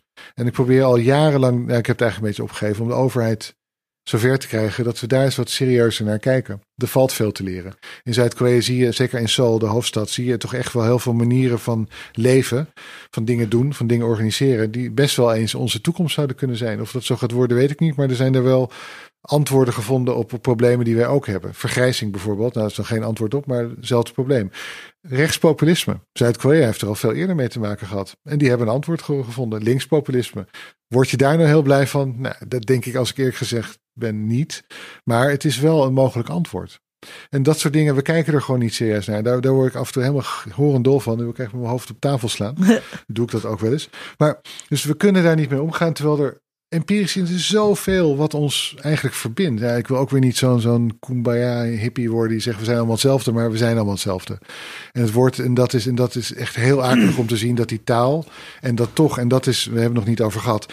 Het feit dat de gemiddelde Koreaan er zo anders uitziet dan uh, de gemiddelde Nederlander, ja, dat staat meer tussen ons dan de taal, ben ik bang. Want als ze daar allemaal eruit hadden gezien als de gemiddelde Nederlander, dezelfde variëteit, dezelfde, binnen dezelfde bandbreedte, dezelfde variëteit mm. laten zien, hadden we het niet gehad over collectiviteit, denk ik. Terwijl het, voor de rest hadden we het allemaal hetzelfde kunnen doen. Maar het feit dat ze daar allemaal denken, oh, ziet er allemaal hetzelfde uit.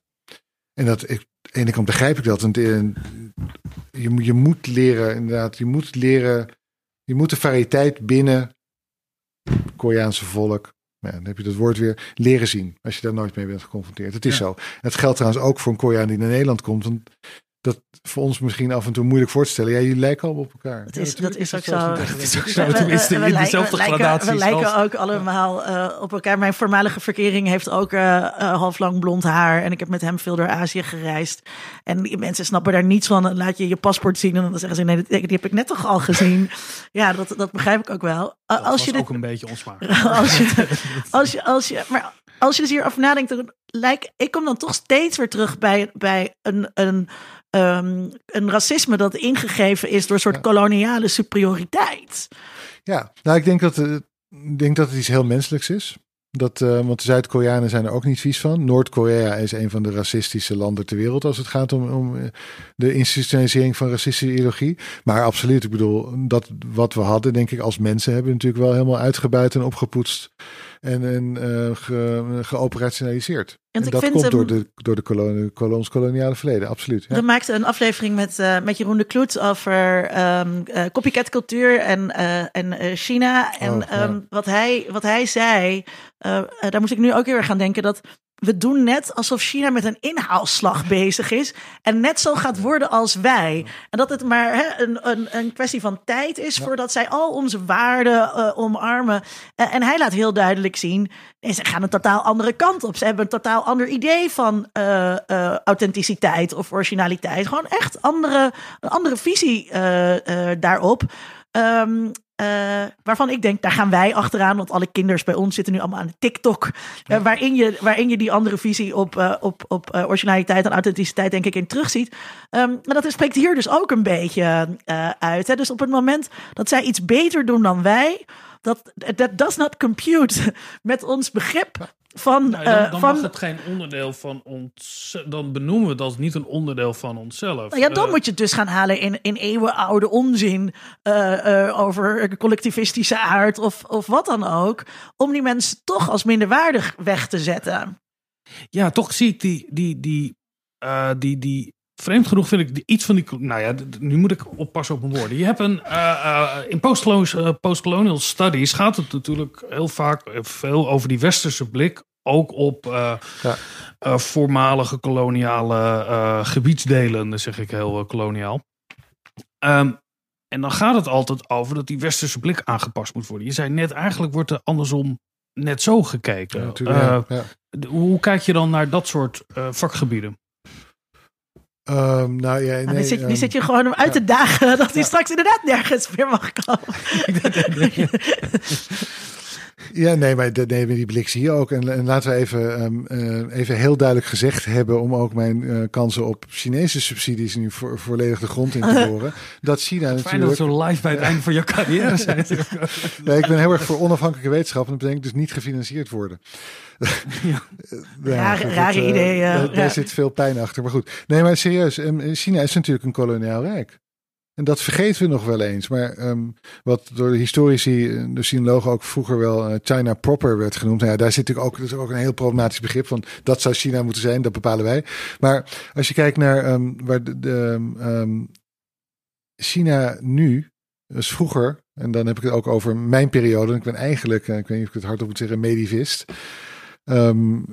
dat de, Nee, goed, andere Kunnen we nog een aparte podcast een keer over maken? Ja, lijkt me heel leuk. Nee, maar wat je ziet is natuurlijk dat er in, in, uh, wat, in wat nu de Volksrepubliek China was, altijd verschillende staten hebben bestaan. En er zijn ook wel redenen voor, omdat, omdat je ziet dat er toch um, de handel en, en de, um, culturele invloeden of taal of religie zich om bepaalde centra heen kristalliseren.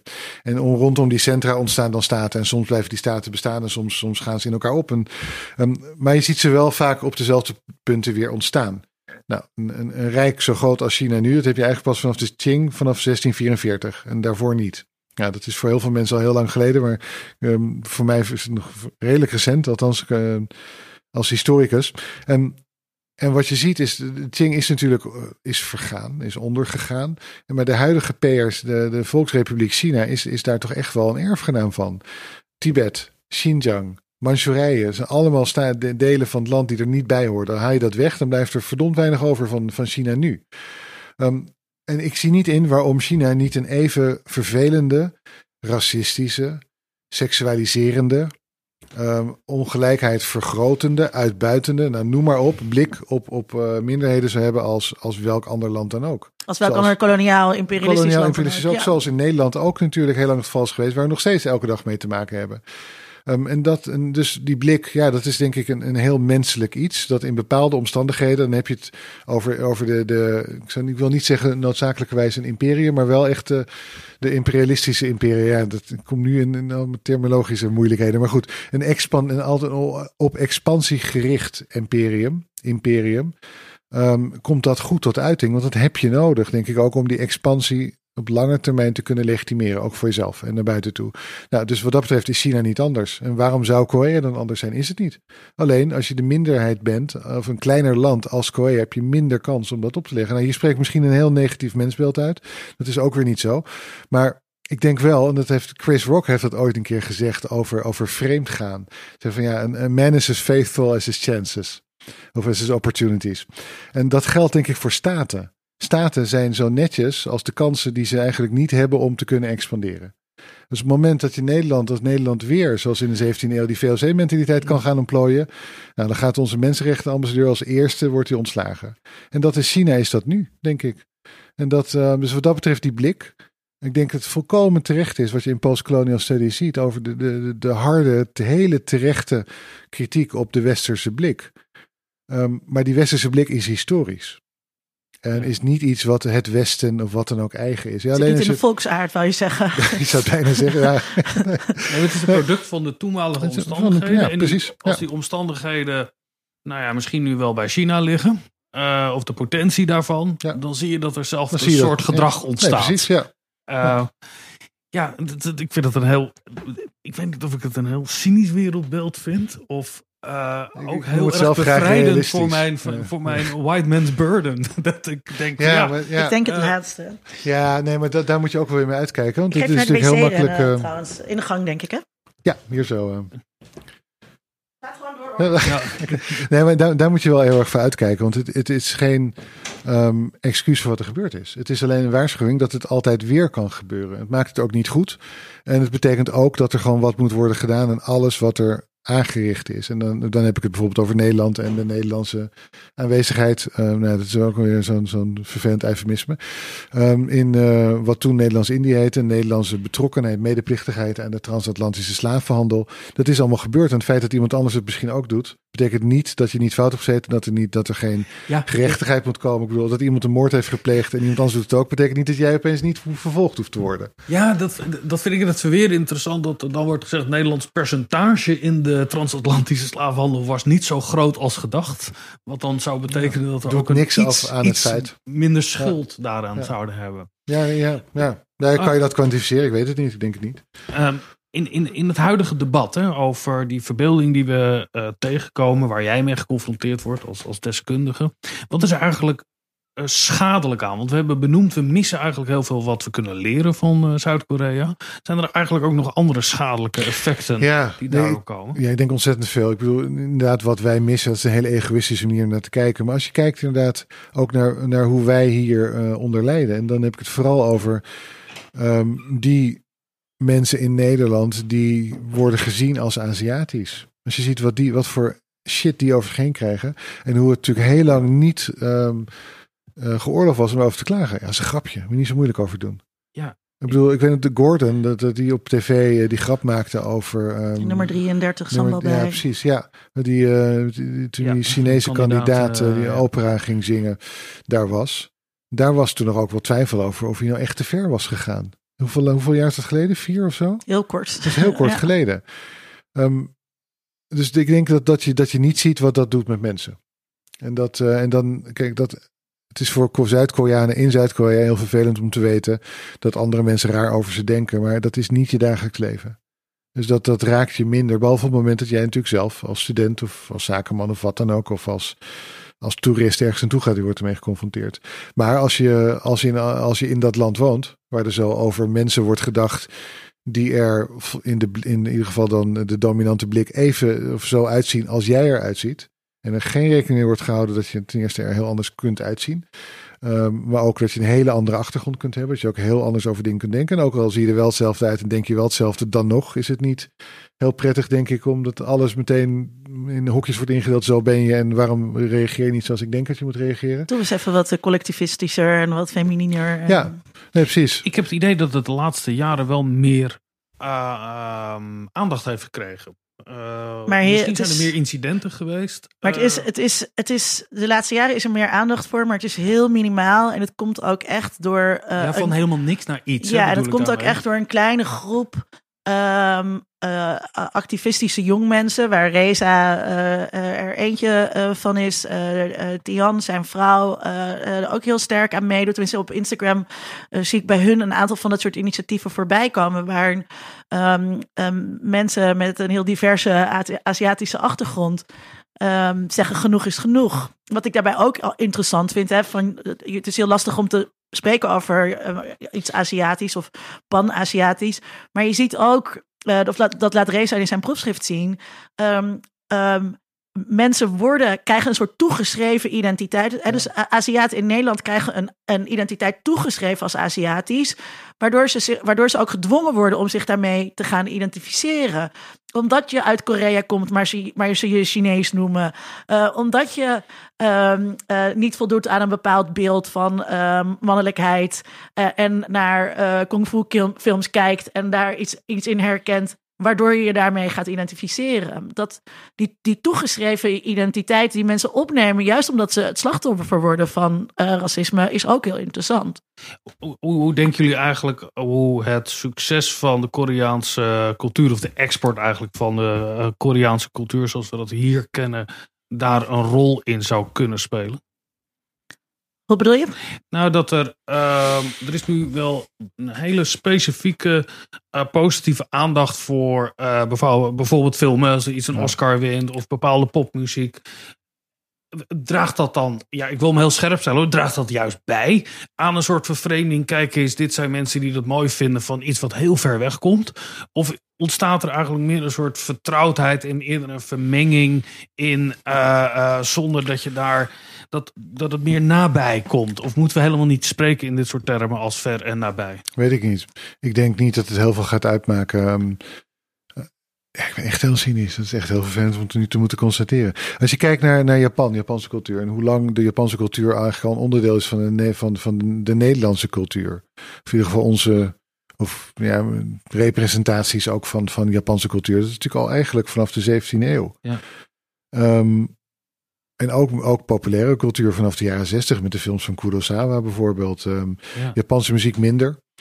En, maar op, op Japanse schrijvers en veel vertaald in het Nederlands, wordt nog steeds vertaald. Twee Nobelprijswinnaars. Dus dan zou je toch denken dat we eigenlijk al, als je over het algemeen de literatuur die Nobelprijzen wint, wat je er ook van vindt, is niet het soort literatuur dat zegt de Japanner is zus en de Japanner is zo. Het zijn vaak hele individuele verhalen. Die ook, en het zijn natuurlijk ook vaak de outcasts in de eigen maatschappij. die, ehm, die die prijzen winnen. En toch lukt het, denk ik niet dat het beeld over Japan bijgeschaafd is. Want als je ziet wat voor ongelooflijk racistische troep, ellende, bagger er wordt geproduceerd over Japan. Ehm, en het is allemaal leuk en het is allemaal goed bedoeld. Maar met goede, ja, goede intenties kom je niet ver genoeg. Zeker niet als je het professioneel doet. Ehm, en hoe Japanners toch altijd weer op dezelfde manier worden afgeschilderd. En hoe je Ondanks altijd... eh, dat programma van Paulien Cornelis. eh, eh, Ja, daar heb ik te weinig van gezien om daar echt wat over te durven zeggen. Want Dat ik, was ik, toch ook een ehm, programma wat, wat, wat een hele Kijk eens hoe gek de Japanners zijn. exotiserende... Nou, dat, dat is het dat exotiseren. Want er zijn natuurlijk dingen die, die inderdaad in Japan voorkomen. Zoals de, de hikokomori. ehm, de, de, de, de, de jongeren vaak die zich thuis opsluiten. Ja, dat gebeurt in Japan. Het gebeurt niet alleen in Japan. Ik heb het, ook, ik heb het hier ook gezien. Ik heb het ook in Korea gezien. Maar het is niet iets wat de Japanner of de Japanse maatschappij definieert. Maar het wordt wel naar voren gehaald. Als, als iets dat Japan definieert. En er zijn telkens van die dingen die Japan zouden definiëren. En die zijn er. Dus je kan er naartoe gaan. Je kan er een documentaire over maken. Maar het probleem is dat je inderdaad het gevoel voor schaal uit het oog verliest. En dat je dus daarmee, dat is natuurlijk, dat is natuurlijk precies wat het niet is. Het laat juist zien hoe divers zo'n maatschappij is. Wat doe jij? Je reviseert het en dit is Japan. En hierin kunnen we dit lezen, hierin kunnen we dat lezen. En al die conclusies, al die analyses kunnen kloppen. Maar niet op het moment dat je ze bestendigt, denk ik. En dat, dat is het grote probleem. Dat doen we met Japan. En waarom ik het over Japan nu heb niet over Korea. En hierbij gesterkt door een, eh, gelukkig een, doctoraal Japanologie ehm, ooit. Maar is dat die aanwezigheid van de Japanse cultuur, die gaat veel verder. En is al veel langer bij ons dan de Koreaanse cultuur. Dus om terug te komen op jouw vraag, gaat het dan helpen dat Parasite vier Oscars heeft gewonnen? Ik heb toen live gekeken. Nou, ik wist niet wat te zeggen. Want eh, het is mijn favoriete. Ja, het, nee, het, was mijn favoriete. Nee, misschien is wel mijn favoriete regisseur. Maar het is een hele goede filmmaker in ieder geval. Ehm, maar gaat het echt helpen? Ik, ik betwijfel het als ik eerlijk ben. Ja, En dan kom ik toch terug. van Japan. En als je nadenkt, ja, dat hebben we toch al nou, een kleine 400 jaar. Maar dat Ja, blijft Het maakt geen zak exotische eh, kunst. Ja, of, ja, ik- ik- en- ja. Denk je dat, Nina, denk je als je Maar- Nou, met wat ik, K-pop en... Wat ik, wat, ik dus, wat ik interessant vind aan die K-pop, waarom zoveel witte Nederlandse meisjes daar nou zo eh, los voor gaan. En ehm, eh, meisjes zijn mijn, mijn promotieonderwerp. Eh, en ehm, dat, dat heeft wel echt iets te maken met ehm, eh, mannelijkheid. Of wat, wat, waar, waar boybands altijd aan. Die, die hebben altijd een soort eh, onbedreigende mannelijkheid. Eh, waardoor, het, waardoor het voor tienermeisjes heel fijn is om daar, om daar fan van te zijn. Ik, ik ben wel benieuwd, ik weet niet of dat onderzoek er al is, hoe dat, of dit nou zorgt voor een ander ehm, eh, heteroseksueel schoonheidsideaal. Eh, Ja. Dus dat, dat die jongens er anders uitzien dan de witte Amerikaanse eh, boybands. Of dat nou een reden is voor die meiden om juist meer daar naartoe te trekken eh, eh, of niet. Dat ze daar iets in vinden wat niet in die, in die Amerikaanse popmuziek zit. Of Ehm, het wordt juist als de exotische uitzondering. dat, ja, of, of dus eh, Eh, onbedreigend. Hè? Dus, ja. dus, en waar je, waar je vervolgens, als je zelf seksueel actief wordt, niet meer naar omkijkt. En daar zit ik ook wel, denk ik, een probleem. Als ik heel eerlijk ben. K- K-pop is heel erg gelaagd hoor. Want als je ziet ook hoe populair K-pop in Zuid-Korea is, is het toch echt wel anders dan hier. Ehm, en eh, er is daar natuurlijk ook een hele andere muziek zien. Het is niet alleen maar K-pop wat, wat de klok slaat. En er is inderdaad wel ook een ander, eh, niet, ja, een ander beeld ontstaan van, van hetero, hetero ehm, seksuele masculiniteit. Ehm, wat er in westerse ogen vaak wat femininer uitziet. Ook omdat mannen daar wel make-up kunnen gebruiken. Ook niet iedereen. Een van de voordelen over van Japanse. ehm er is ook wel onderzoek naar gedaan. Japanse vrouwen die naar Korea gingen. Was, van, ja, daar heb je nog echte mannen. Koreanen. En niet van die, niet van die verwijfde types die we hier thuis hebben rondlopen. Ja, ja, nee, ja. een stoere Koreaan. En dat is natuurlijk ook, dat, ik bedoel, dat is, dat is ook Korea. Ehm, en dat wordt in K-pop is dat niet de man die je ziet. Maar wat ik daar ook in zie, en waar ik wel iets meer moeite mee heb. Maar K-pop op zich vind ik, ja, de, de uitbuiting in de industrie heb ik problemen mee. Dat, dat is echt, dat kost mensenlevens van, van, de, van de popsterren zelf. Uh, maar als je BTS uh, bij, uh, bij de Verenigde Naties een speech ziet houden over diversiteit, ja, dan smelt mijn hart ook weer. Denk ik van ja, nou ja, als je dat toch het podium hebt, is dit misschien wel de boodschap die je moet brengen. Ja. Heel goed. Maar tegelijkertijd zie ik die, die niet bedreigende seksualiteit is voor mannen en niet voor vrouwen. Want de, de vrouwen, de, de jonge meisjes, nou, jonge meisjes, daar zijn ze te oud voor, maar de jonge vrouwen die je in de K-pop ziet, die zijn wel volkomen geseksualiseerd. Ja. En daar zie je dus een, een heel diep, niet alleen een seksisme, maar ook denk ik een racisme. Ja. En het inspelen ook op stereotypen over wat een Aziatische man, die niet bestaat, ik zeg toch maar een keer, en een Aziatische vrouw is en wat hij niet is en wat hij moet zijn en wat hij niet moet zijn. Ja. Ja, dat, vind ik, dat vind ik heel lastig. En ik begrijp, en, eh, tenminste, ik weet niet of ik het begrijp, maar ik, ik, ik begrijp eh, wat je nu zegt. Denk het te begrijpen althans, over niet, eh, het ervaren van niet bedreigende masculiniteit als jong meisje, Mhm. jonge vrouw. Ehm, de andere kant ervan is dat het natuurlijk in een discours past waar het heeft ook akelige kanten, ben ik bang. Ja. En dat is daar, daarom K-pop vind ik wat dat betreft ook wel lastig. Omdat ehm, de, en dat komt er toch weer terug ook op, op wat ik, hoe ik naar Noord-Korea kijk. Ehm, ja, dan dan haal ik te veel dingen door elkaar, denk ik. Maar goed, dat je daar, dat je daar toch ziet een, een, een, eh, een, een in Korea zelf gegroeid ideaal. Een, een, eigenlijk wat, wat ook con- eh, concurreert met het mainstream ideaal van de stoere Koreaanse man. De gangster die goed kan vechten. Dat is ook iets, een paper dat ik ooit nog moet afschrijven over... Als je geen geld wil verliezen in Korea, je wil investeren in een film, doe het dan in een gangsterfilm. Je krijg je altijd je geld terug. Het populairste icoon van na de oorlog, zonder meer. is de gangster. Wist ik ook niet. Ehm, de vrijheid. Ja, goed. Nou, Ja. het andere verhaal. Maar ehm, er is een ander ideaal opgekomen. Dat is de, wat in het Koreaans de, de Minam wordt genoemd. Of de, de, de, ja, de, de, de, de, mooie jongen. Die echt heel anders is. Die, die, eh, die zich op een hele andere manier laat zien. Heel gezond, heel divers, denk ik. Kan je zelf kiezen wat je wil. Eh, niet dat het zo'n binaire keuze is, maar. ehm, maar dat, helaas komt dat ook overeen met, met ja, het toch de, de, de aseksuele, vriendelijk glimlachende, nette ehm, Aziatische man. Charlie Chan. Eh, die altijd eh, inderdaad rondloopt met Confucius says.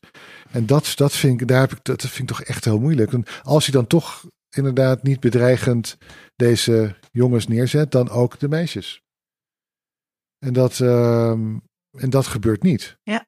Want die, zijn, die worden compleet anders in de markt gezet. En er Ja. wordt ook echt ingezet op ehm, een fandom van oudere, nou ja, oudere mannen. Klinkt nu misschien te veel, maar ook van, eh, laat ik zo zeggen, de mannen die, die, die daar graag naar luisteren en kijken, zijn over het algemeen ouder dan de vrouwen die eh, K-pop ehm, consumeren, leuk Ja. vinden, wat dan ook. Ja. maar goed. Dus, ja, ik. We gaan afronden. Ehm, ik had nog een heleboel dingen willen weten. Ik zat even te denken, hoe lang. Kunnen deze Korea's. Stel je voor dat, dat, dat we die beelden krijgen die we ooit in oktober 89 zaten. Dat er een soort demilitaire zone open gaat. En dat. Zoals we dat in Berlijn zagen. Ik probeer me daar een beeld bij te vormen hoe dat eruit zou zien als dat ooit zou gebeuren. Remco, we sluiten altijd af met het beantwoorden van de vraag. Dat is eh, in 139 afleveringen eh, denk ik nog nooit echt gelukt. Maar ik ga hem eerst aan Linda stellen. Ehm, Vaak moeten we de vraag ook nog verzinnen. ja, maar we ik, ik heb een poging gedaan vanmiddag. Eh, hoe en waarom wordt het Oost-West denken in stand gehouden in de media? Nou, ik Ehm, zou hem afkeuren als een bachelorscriptievraag Eh, was. ja, ja, ja. Het, zijn, het zijn nooit echte onderzoeksvragen. Ehm, ehm, nou ja, de, de hoe zit al in je vraag. Hè? Dus, de, dus, dus het het Oost-West denken is iets wat media eh, heel sterk eh, doen. Ja, dus ze leggen opposities aan die niet bestaan. Eh, ze hebben daar baat bij, denk ik. Zowel die ambtenaren. Ik, ik denk dat we daar toch wel redelijk achter zijn gekomen. Dat die dus iets wilden zeggen over, over Nederland. En dat zou bij media ook zo eh, zijn. En, eh, en het waarom. Of het hoe, ja, hoe en ik denk toch dat je alleen maar toch weer terugkomt bij een, bij een diep geworteld eh, racisme. Wat we blijkbaar acceptabel vinden als het gaat over eh, eh, Oosterse culturen. Waarvan we toch het idee hebben dat je omdat we die, eh, terugkomend bij wat ik zei over wat ik op school heb geleerd over de West-Indische Compagnie en de Oost-Indische, dat we toch het idee hebben dat we, dat we daar volken eh, niet, op een, niet echt onderdrukt hebben. En dat, en dat eh, om, omdat ze zo'n oude cultuur hebben of zo. ehm, dat je ze daardoor ook niet raciatisch kunt bejegenen. En dat het daarom dus maar oké is. Terwijl we dat uiteindelijk. eh, komt het daarop neer om ons, om ons een beter gevoel over onszelf te geven. Remco. Ja, ik, ik, dat is inderdaad een onmogelijke vraag. Ja. Ja, ik, ik je mag ook gewoon antwoord geven op een andere vraag. Ja, dat is. Nee, maar ik, ik, ik, ehm, ik, denk we over, over het hoe wel een beetje een idee hebben gekregen. Inderdaad, dat we gebruik maken van, van stereotypen, van beelden die er zijn. Die zijn beschikbaar. En dat heeft, aan de ene kant komt dat voort uit universeel mens zijn, maar het, het is natuurlijk enorm versterkt en bestendigd door, uh, door een koloniaal verleden, waarin we dat de vrije loop hebben gelaten. Waardoor we er nu nog steeds um, gebruik van maken. En het andere, denk ik, is toch eh, wat, wat ik heel akelig vind om te, te moeten constateren. Als je kijkt naar het feit dat, dat de Japanse cultuur, culturen na al die eeuwen nog steeds als exotisch worden ervaren. Um, en dat het ook dat soort de voordelen die daarmee gepaard gaan, die ook op Korea en China geprojecteerd ziet worden, dat die ook op Nederlanders Um, die hier zijn opgegroeid, die in geen enkel opzicht, dat verschillen van mensen die er niet Aziatisch uitzien, maar die met die er Aziatisch uitzien, of althans zo worden gezien door, door, um, door veel mensen, dat we daar diezelfde voordelen op loslaten. Ja, dan moet ik toch tot de conclusie komen dat, dat we het hier hebben over een um, heel diep geworteld en tegelijkertijd extreem oppervlakkig visueel racisme. Je ziet iets anders, dus het moet wel anders zijn. En dat, dat is natuurlijk te akelig om over na te denken, omdat we dat stadium al hoe lang zouden we al niet voorbij moeten zijn? Maar blijkbaar is het, een, is het, is het, toch, is het toch het uiterlijk waarop we, um, waarop we onze oordelen baseren, uh, primair. En dat het ontzettend lastig is, misschien wel onmogelijk, ik hoop het niet, om daar aan voorbij te gaan. Maar dat, dat zou wel mijn conclusie nu zijn. Ja, ja. je, wat een deprimerende boel. Ja. ja. dat hoor ik altijd als ik een interview ja, ja, of een podcast heb Ja, nou ja, je, je, kan, je kan daar ook geen leukere draaien aan geven. We kunnen er wel een kek K-pop muziekje onderzetten. Maar, maar ja, het is ook een beetje zoals het is. Ja, nou ja, jij vertelde zonder dat we heel lang, maar als je gaat backpacken, en dat deden wij allebei in de jaren negentig, dat, dat altijd dat idee wat ik achteraf vooral had, je ging daarheen om iets te halen, om te consumeren, om het ook wat, wat zelfkritisch te benaderen. En waar er wel een interesse was in de cultuur, als je in verschillende landen, in Zuidoost-Azië in dit geval reist, dat het vooral ook iets halen was. En dat zie ik vooral. Weet je wel, kunnen we er iets van halen? En als we er niks van kunnen halen, dan, dan wordt het heel vreemd. We gaan er niks brengen in ieder geval. Nee. nou ja, dat, dat vond ik heel... Uh, dan ga ik, wat je vertelde, we kunnen, de, we, dat hele specifieke geval over COVID-19. We kunnen er heel veel van leren. We hadden er veel van kunnen leren. En als je niet voorbij deze rare hofstedenbarrière bril gaat. en je schrijft het gelijk af van, nou, dat is een zo andere cultuur. Ja, dan blijven wij uh, uh, dom en niet gevaccineerd achter. Ja, dus uh, we, kunnen, we kunnen, dat was een mooie quote. we kunnen niet omgaan met het succes van, van de ander. Ja. Beste luisteraar, dit was aflevering 139 van de podcast op de Media Doktoren. De redactie, dat zijn wij. Ja, dat, ja, dat zijn wij. Uh, en moi en Linda. Um, kijk op ondermediadoktoren.nl voor ons hele archief. Daar vind je aflevering 61, hebben we het over gehad. Over K-pop met Reza Cartosen. En aflevering 80 over kopieercultuur met Jeroen de Kloet. Heel veel dank We hebben ook nog eh, eentje over, over uh, ons slavernijverleden. Ja, en die zat ook ergens in de 60, volgens mij. 64 zit ik even uit mijn hoofd. Dat weet ik niet. Maar ja, als je er een mooie compilatie van maakt, dan kan je er vast uh, als goede referenties voor je scriptie bij vinden. Uh, ik zei heel veel dank aan Remco en, en voor je gezin en voor de gastvrijheid om hier uh, aanwezig te mogen zijn. Maar ook vooral voor je hele interessante verhaal. Heel erg bedankt. Dank aan Matthijs van Lisdonk, uh, onze Patreon. En iedereen die Patreon wil worden, die kan het op de site vinden. Of vriend van de show. Uh, volgende keer gaan we het hebben over kleur bekennen in de journalistiek. En dat doen we met Chris Albert. De verloren mediadokter. Tot dan. Tot dan. Onder Mediadoktoren is een podcast van Vincent Kronen en Linda Duits. Meer informatie vindt u op ondermediadoktoren.nl